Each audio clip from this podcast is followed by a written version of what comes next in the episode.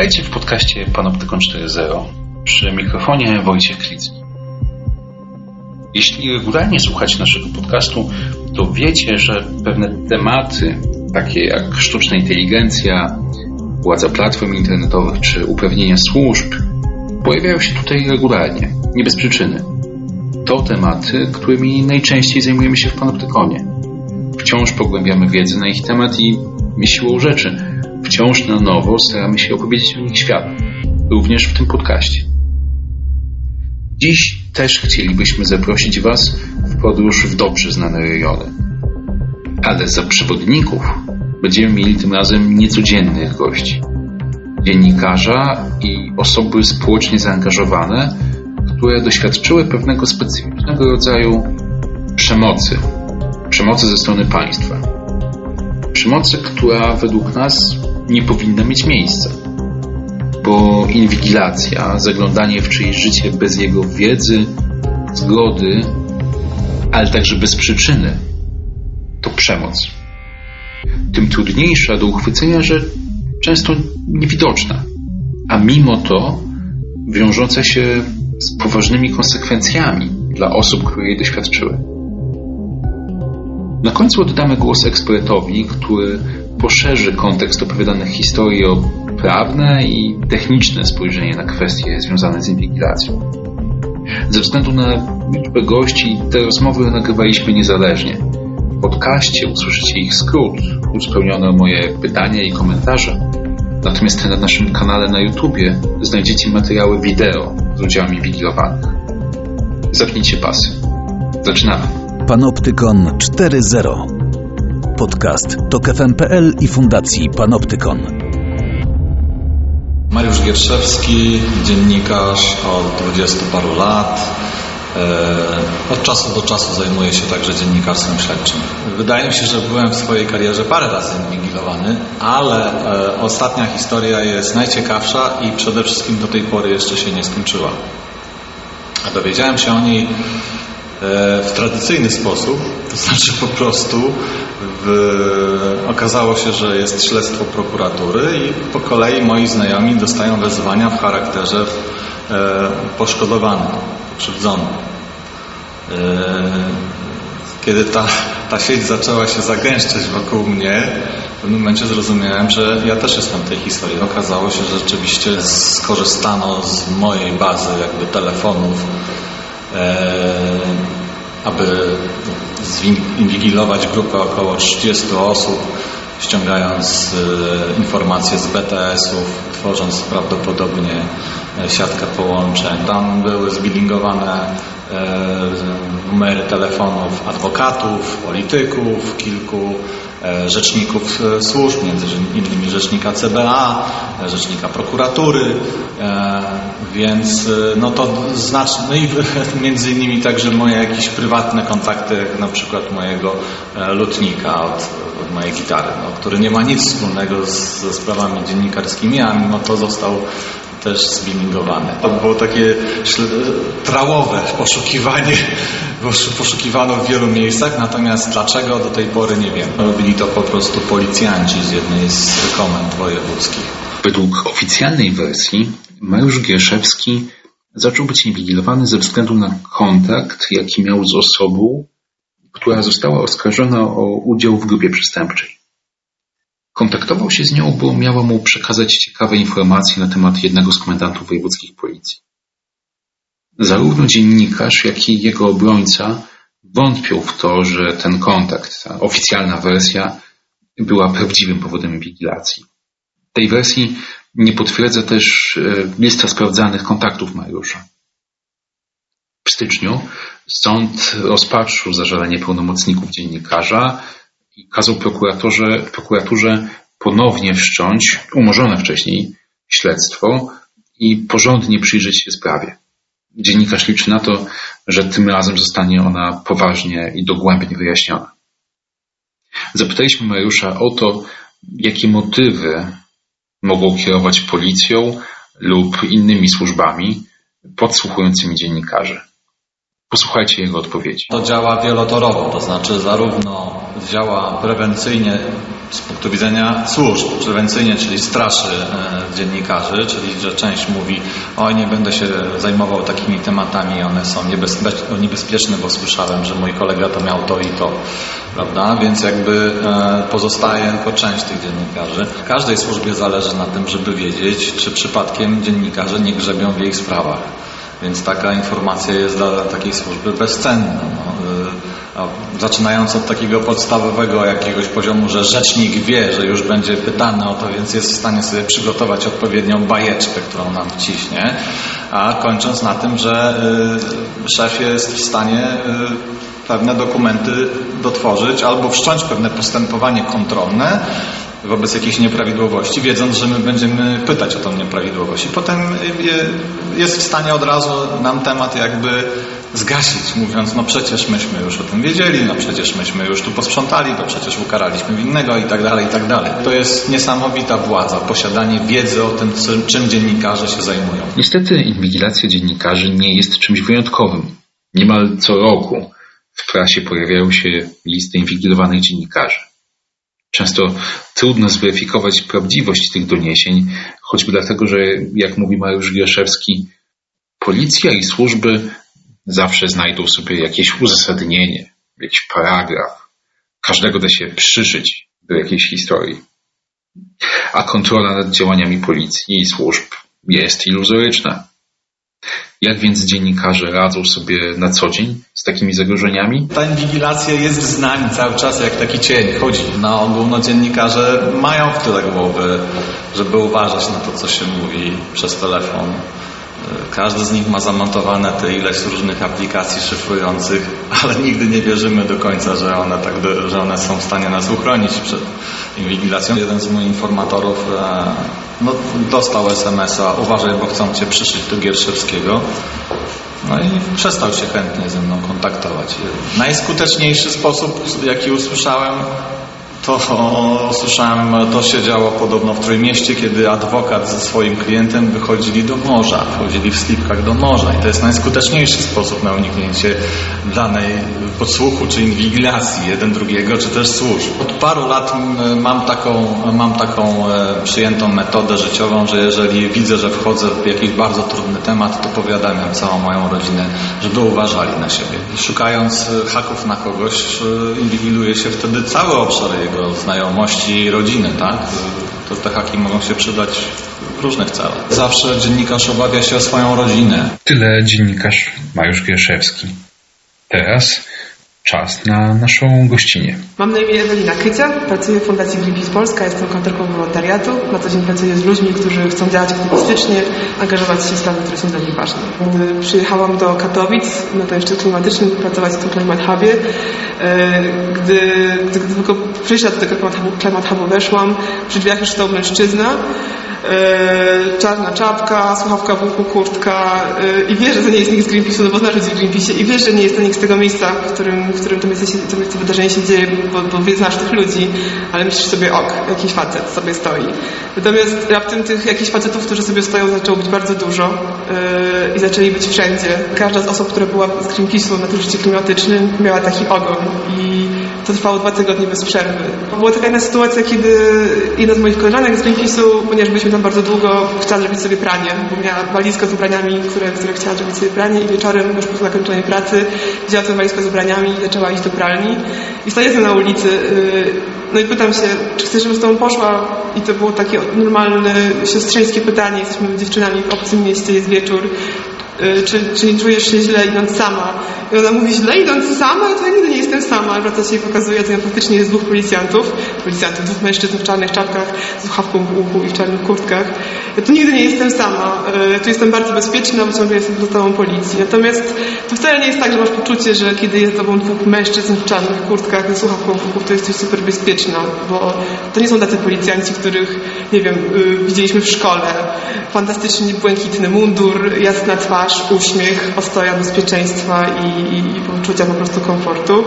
E, to nie jest policjant, który macha ci przez okno, jak jesteś na kwarantannie i po prostu gratuluje ci, że tak świetnie sobie radzisz, siedząc w domu. To jest dwóch gości, którzy nie wiesz, kim są, bo e, chociażby teraz jak jesteś na strajkach klimatycznych y, albo na strajkach, y, strajkach kobiet i raptem pokazują w mediach zdjęcia osób, które biją ludzi i są w nieumoderowanych y, strojach, to raptem przypominasz sobie obrazki z Katowic i widzisz te same twarze, te same gesty, te same postawy, te same elementy budujące te osoby. Więc dla mnie to było tak, że to na początku było trochę śmieszne, ale z każdym kolejnym dniem przestawało być śmieszne i było coraz bardziej takie uciśniające, bo w tym myślisz sobie, e, no to nie jest normalne, że dwóch gości za mną cały czas chodzi, albo jacyś mężczyźni za mną chodzą. Dlaczego za mną chodzą? Czy robię coś źle? Jestem, jestem, jestem wolontariuszką, jestem aktywistką, robię coś z ludźmi, jestem tutaj totalnie legalnie, zajmuję się wolontariatem, pomagam ludziom e, w ich, w ich działaniu. Co robię nie tak? Podczas szczytu klimatycznego w 2018 roku w Katowicach Ewelina Krycia i jej znajomi z Greenpeace'u nieustająco byli śledzeni i obserwowani. Ewelina podzieliła się z nami historią jej wizyty w jednym z gliwickich liceów, gdzie została zaproszona z koleżanką przez jedną z uczennic. Tuż przed spotkaniem do gabinetu wezwał je bardzo zdenerwowany dyrektor.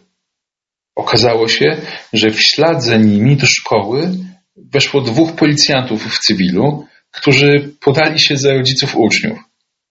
Dyrektor rozpoznał w nich obcych i wyprosił ze szkoły. Z kolei nauczyciel, który już po spotkaniu miał odwieźć Ewelinę i jej koleżankę do Katowic, zdenerwował się do tego stopnia, że bezrefleksyjnie zaczął jechać w stronę swojego domu. Gdy po jakimś czasie zorientował się o swojej pomyłce, zawrócił. W ślad za nim zawrócił nieoznakowany samochód, który towarzyszył im przez całą drogę spod szkoły.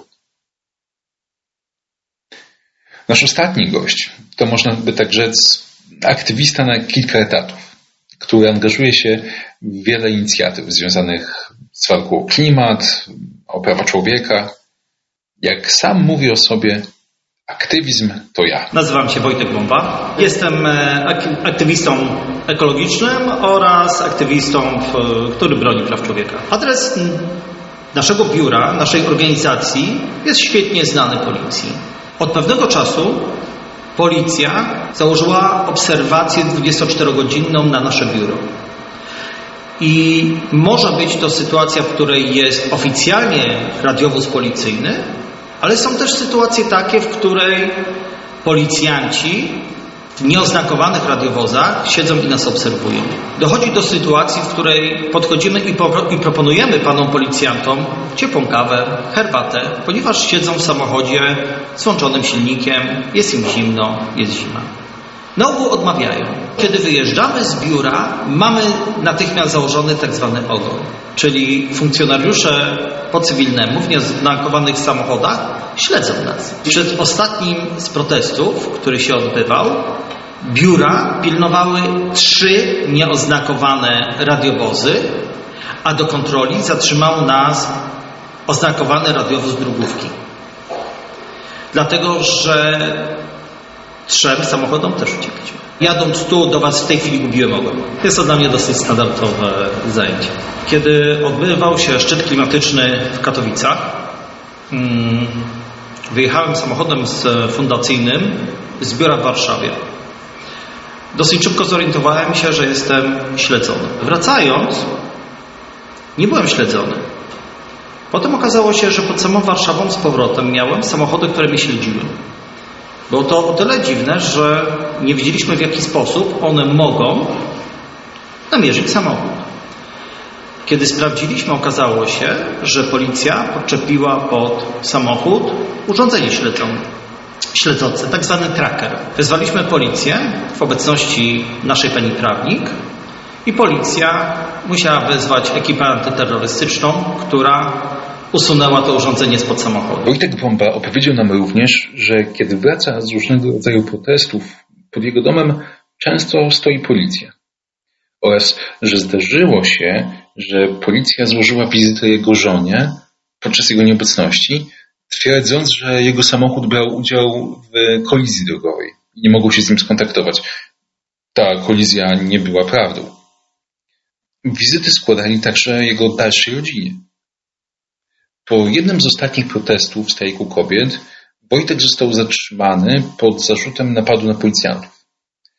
Na razie sądy dwukrotnie nie zgodziły się na jego tymczasowe aresztowanie. Wojtek twierdzi, że ma wielu świadków na to, że to on dostał gazem w twarz, a nie, że on spsikiwał nim policjantów. Trzymamy kciuki za to, żeby ta historia jak najszybciej się wyjaśniła.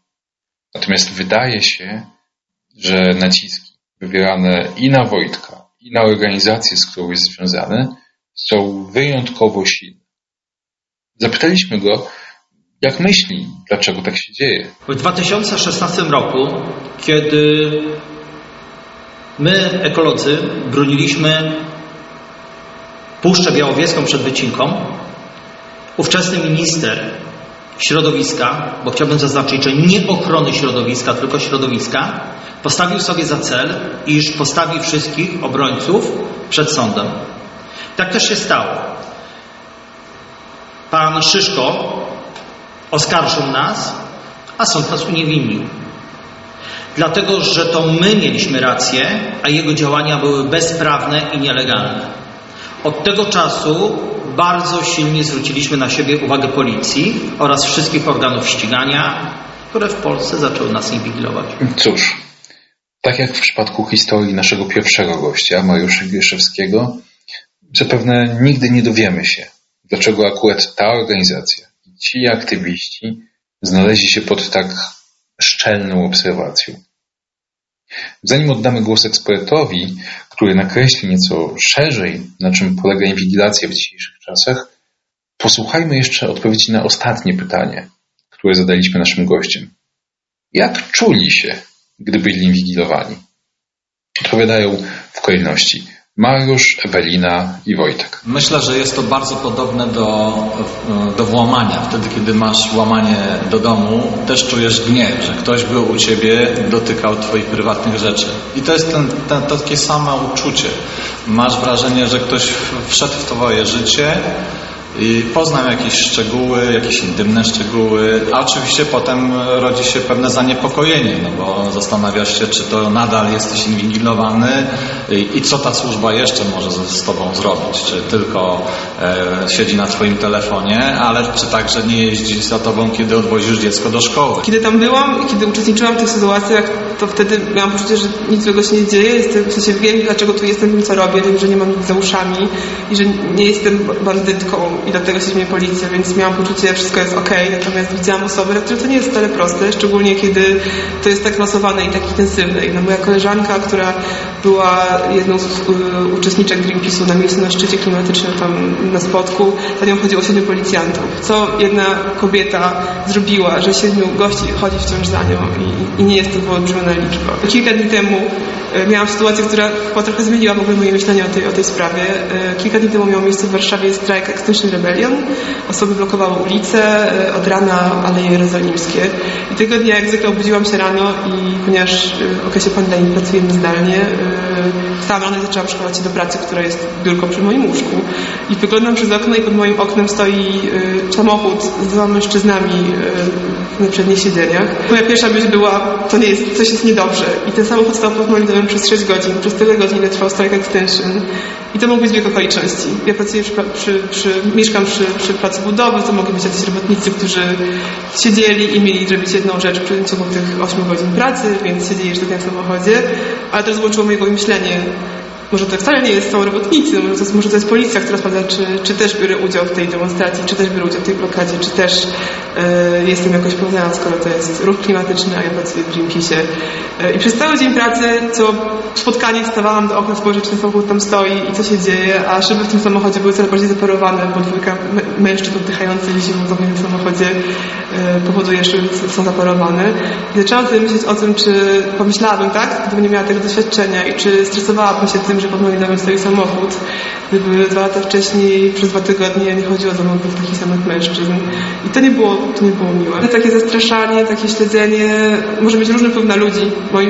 Wyobrażam sobie sytuację, w której ktoś nie, nie, nie decyduje się na zaangażowanie się obywatelskie nieposłuszeństwo, nie decyduje się na aktywizm, nie decyduje się na wyrażenie swoich poglądów, na, na, na bronienie rzeczy, to jest dla niego ważne, dla niej ważne, bo boi się tych konsekwencji. I nie tyle konsekwencji prawnych, co tej presji. Może nie chce, żeby policja pukała do domu gdzie mieszka z mamą albo z dziećmi. Może nie chce, żeby e, policja widziała wszystko o jego życiu. Może nie chce czuć tej presji i oddechu na karku każdego dnia, bo myśli sobie, że e, moje dzisiejsze życie jest cenniejsze niż, niż walka o przyszłość e, reszty świata. To nie jest tak, że jeżeli wydaje się komukolwiek, że nie ma nic do ukrycia, to materiały, które mogą pozyskać służby specjalne, policja, mogą zostać w taki sposób spreparowane, zmanipulowane, iż nawet rzeczy, które wydają się dla nas zupełnie niegroźne, mogą zostać przedstawione w taki sposób, iż odwrócą one zupełnie, całkowicie sens historii, która się faktycznie zdarzyła. Mam dużo mniejsze zaufanie do ludzi,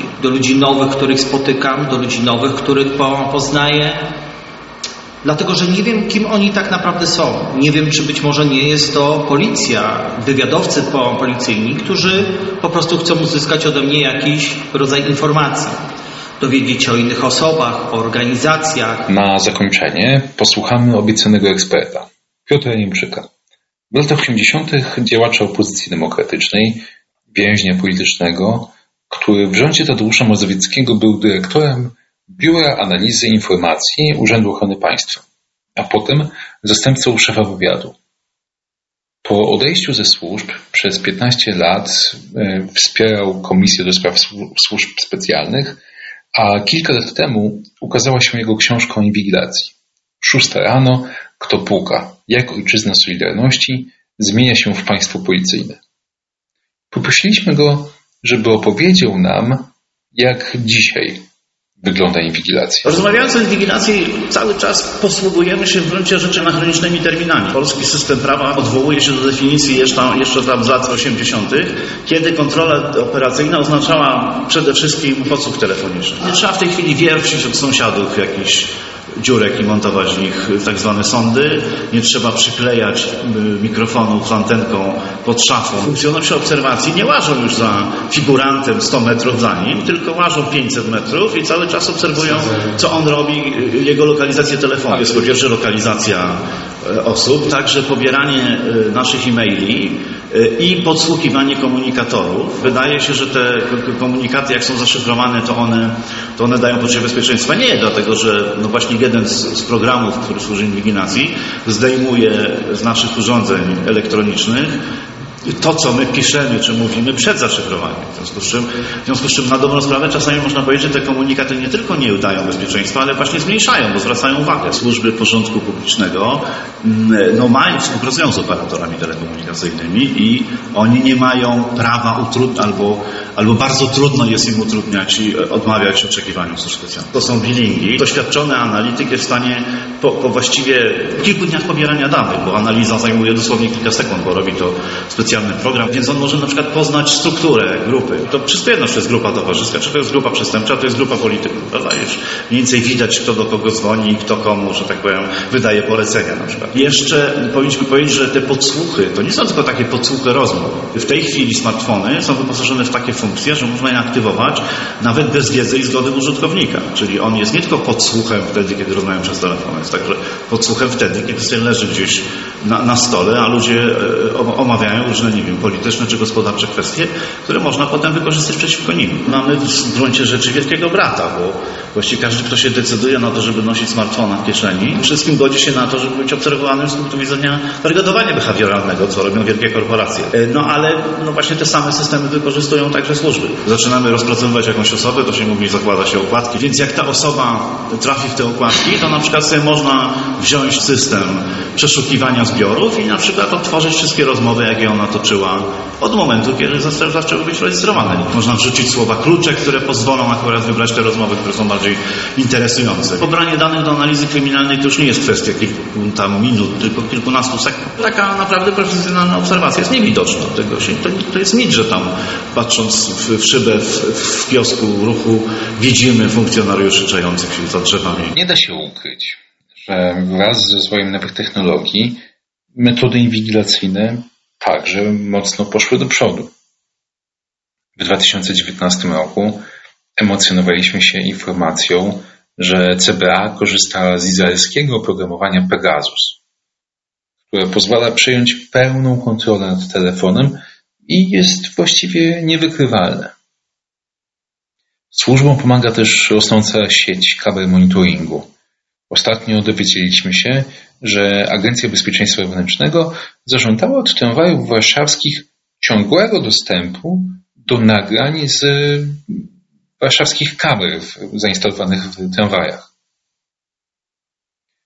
No dobrze, powiecie pewnie, ale ja nie jestem aktywistą, aktywistką, nie pracuję w mediach, to czego mam się obawiać?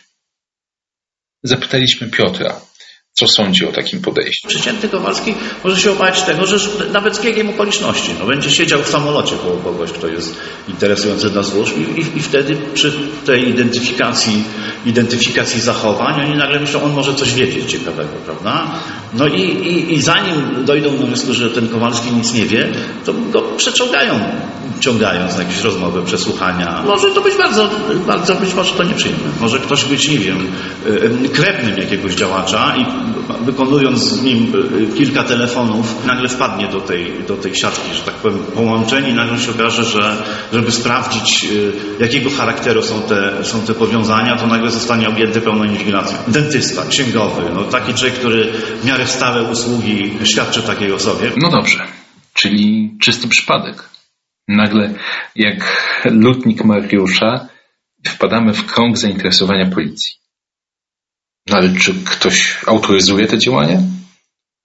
Pozwólcie, że pozwolę sobie na nieco dłuższy wywód o tym, jak w tej chwili działają służby.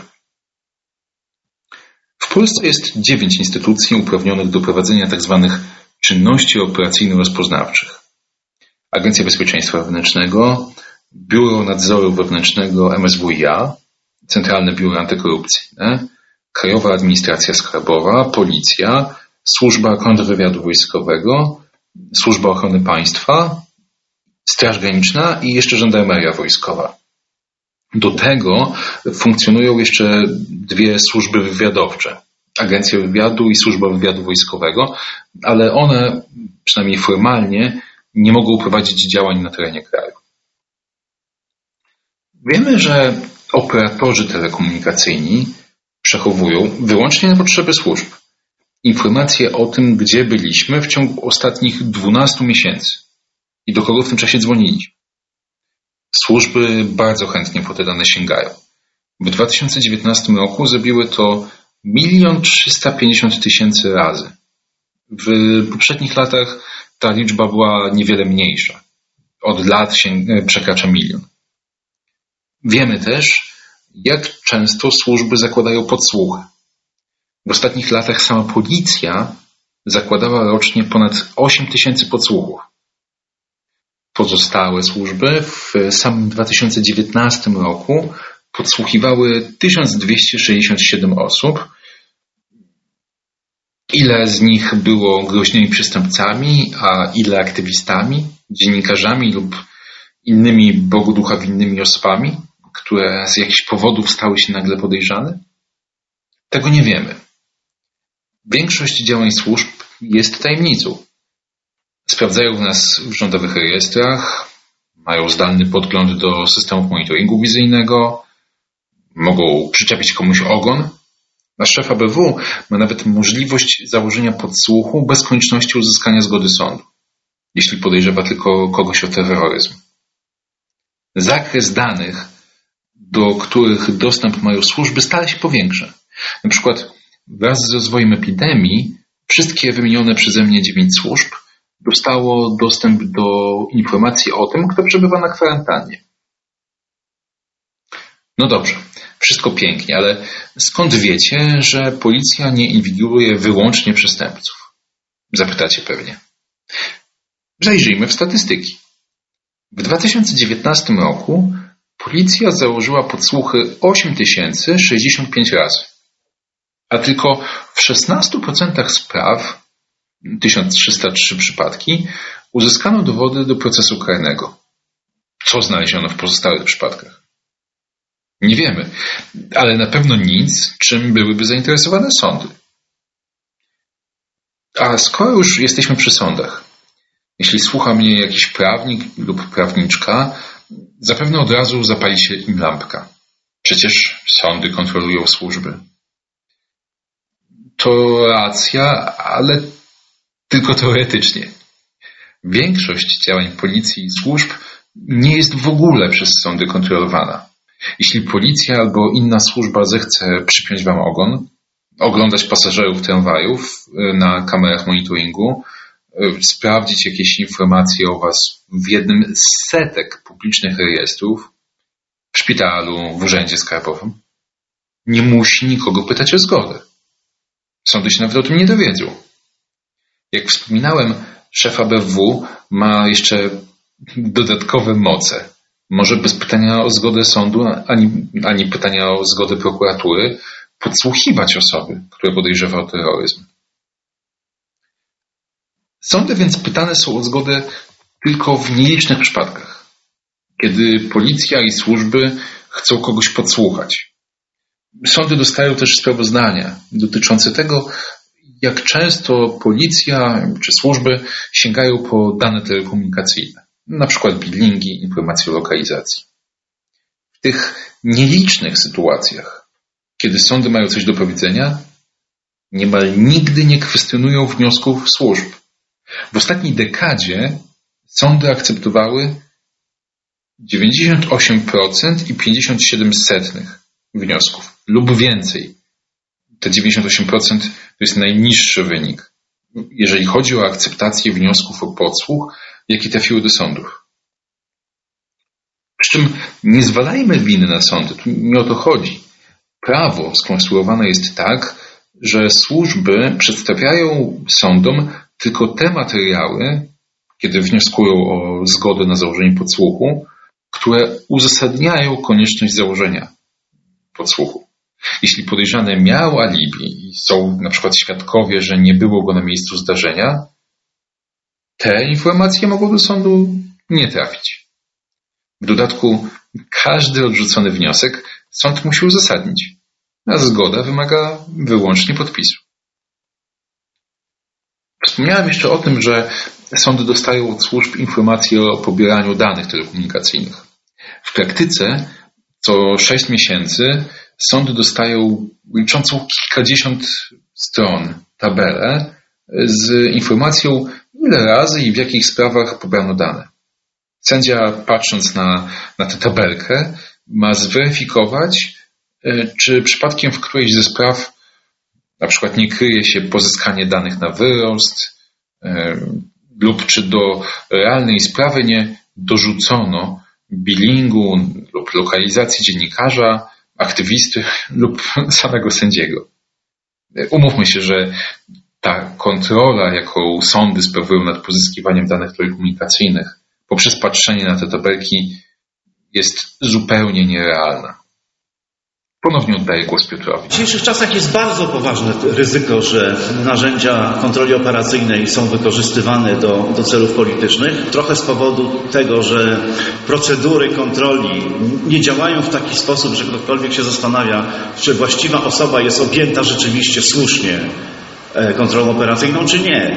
Ale też są metody technologiczne, które pozwalają na to ominąć. Znaczy, możemy sobie wyobrazić, że w niektórych przypadkach można ominąć procedury albo w taki sposób je uprościć, że wydaje się, że wszystko jest zgodne z prawem, a tak naprawdę dane pobierane są e, bez, bez wyraźnego powodu w rozumieniu kodeksu karnego. Funkcjonariusz, który pobiera nielegalnie dane z kontroli operacyjnej jest przestępcą i, i, i, to nie ma na niego żadnego wytłumaczenia. Niemieckie komisje parlamentarne które kontrolują czynności operacyjne rozpoznawcze, kontrolują nie tylko z punktu widzenia legalności, ale również jakby takiej efektywności, czy, czy, czy, czy rzeczywiście grupa przestępcza, która jest nimi objęta, rzeczywiście jest tak groźna, że trzeba tutaj tak drogie i mm, mm, e, skomplikowane środki operacyjne stosować. Jeżeli ja widzę na przykład taką sytuację, że młody człowiek, 20-latek w Koninie zostaje zastrzelony przez policjanta, no to jeżeli można zastrzelić młodego człowieka, E, no to tym bardziej można e, kogoś podsłuchać, prawda? Ten system przyzwolenia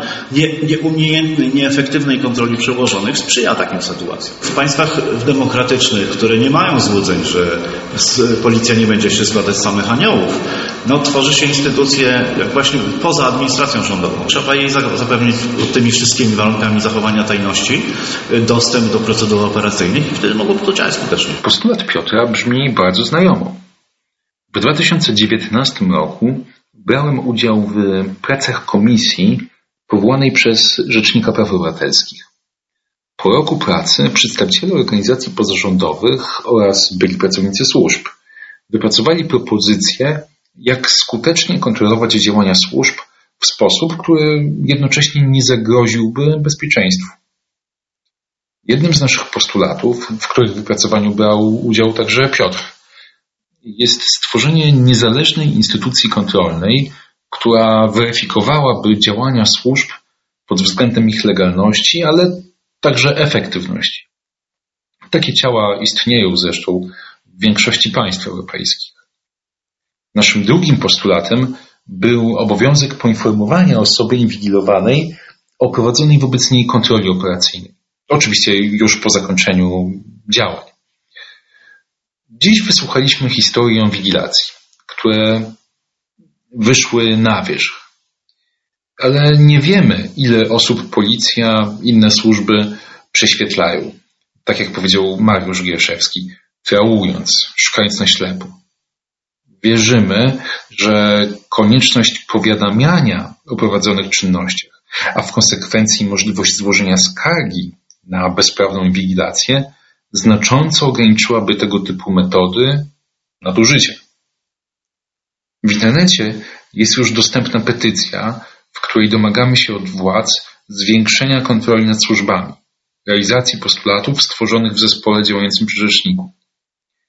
Jeśli po wysłuchaniu naszego podcastu wy też, tak jak bohaterowie i bohaterka naszej rozmowy, czujecie zaniepokojenie, gniew, wejdźcie na stronę www.podsłuchjaksiepatrzy.org Pomóżcie ludziom takim jak Mariusz, Ewelina, Wojtek i wszystkim Kowalskim, którzy nawet nie mają świadomości, że ktoś ich właśnie słucha.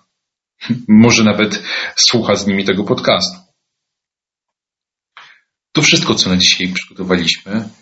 Dziękuję bardzo za uwagę. Dodam tylko, że nasz podcast powstał w ramach kampanii Fundacji Panoptykon finansowanej z dotacji programu Aktywni Obywatele, Fundusz Krajowy, finansowanego ze środków EOG. A w przygotowaniu wywiadów z dzisiejszymi gośćmi pomogła nam ekipa Twin Digital. Dziękujemy. Żegna się z Wami Wojciech Klicki. Do usłyszenia w kolejnym odcinku podcastu Panoptykon 4.0. Pozwólcie jeszcze proszę, że zrobię drobne ogłoszenie.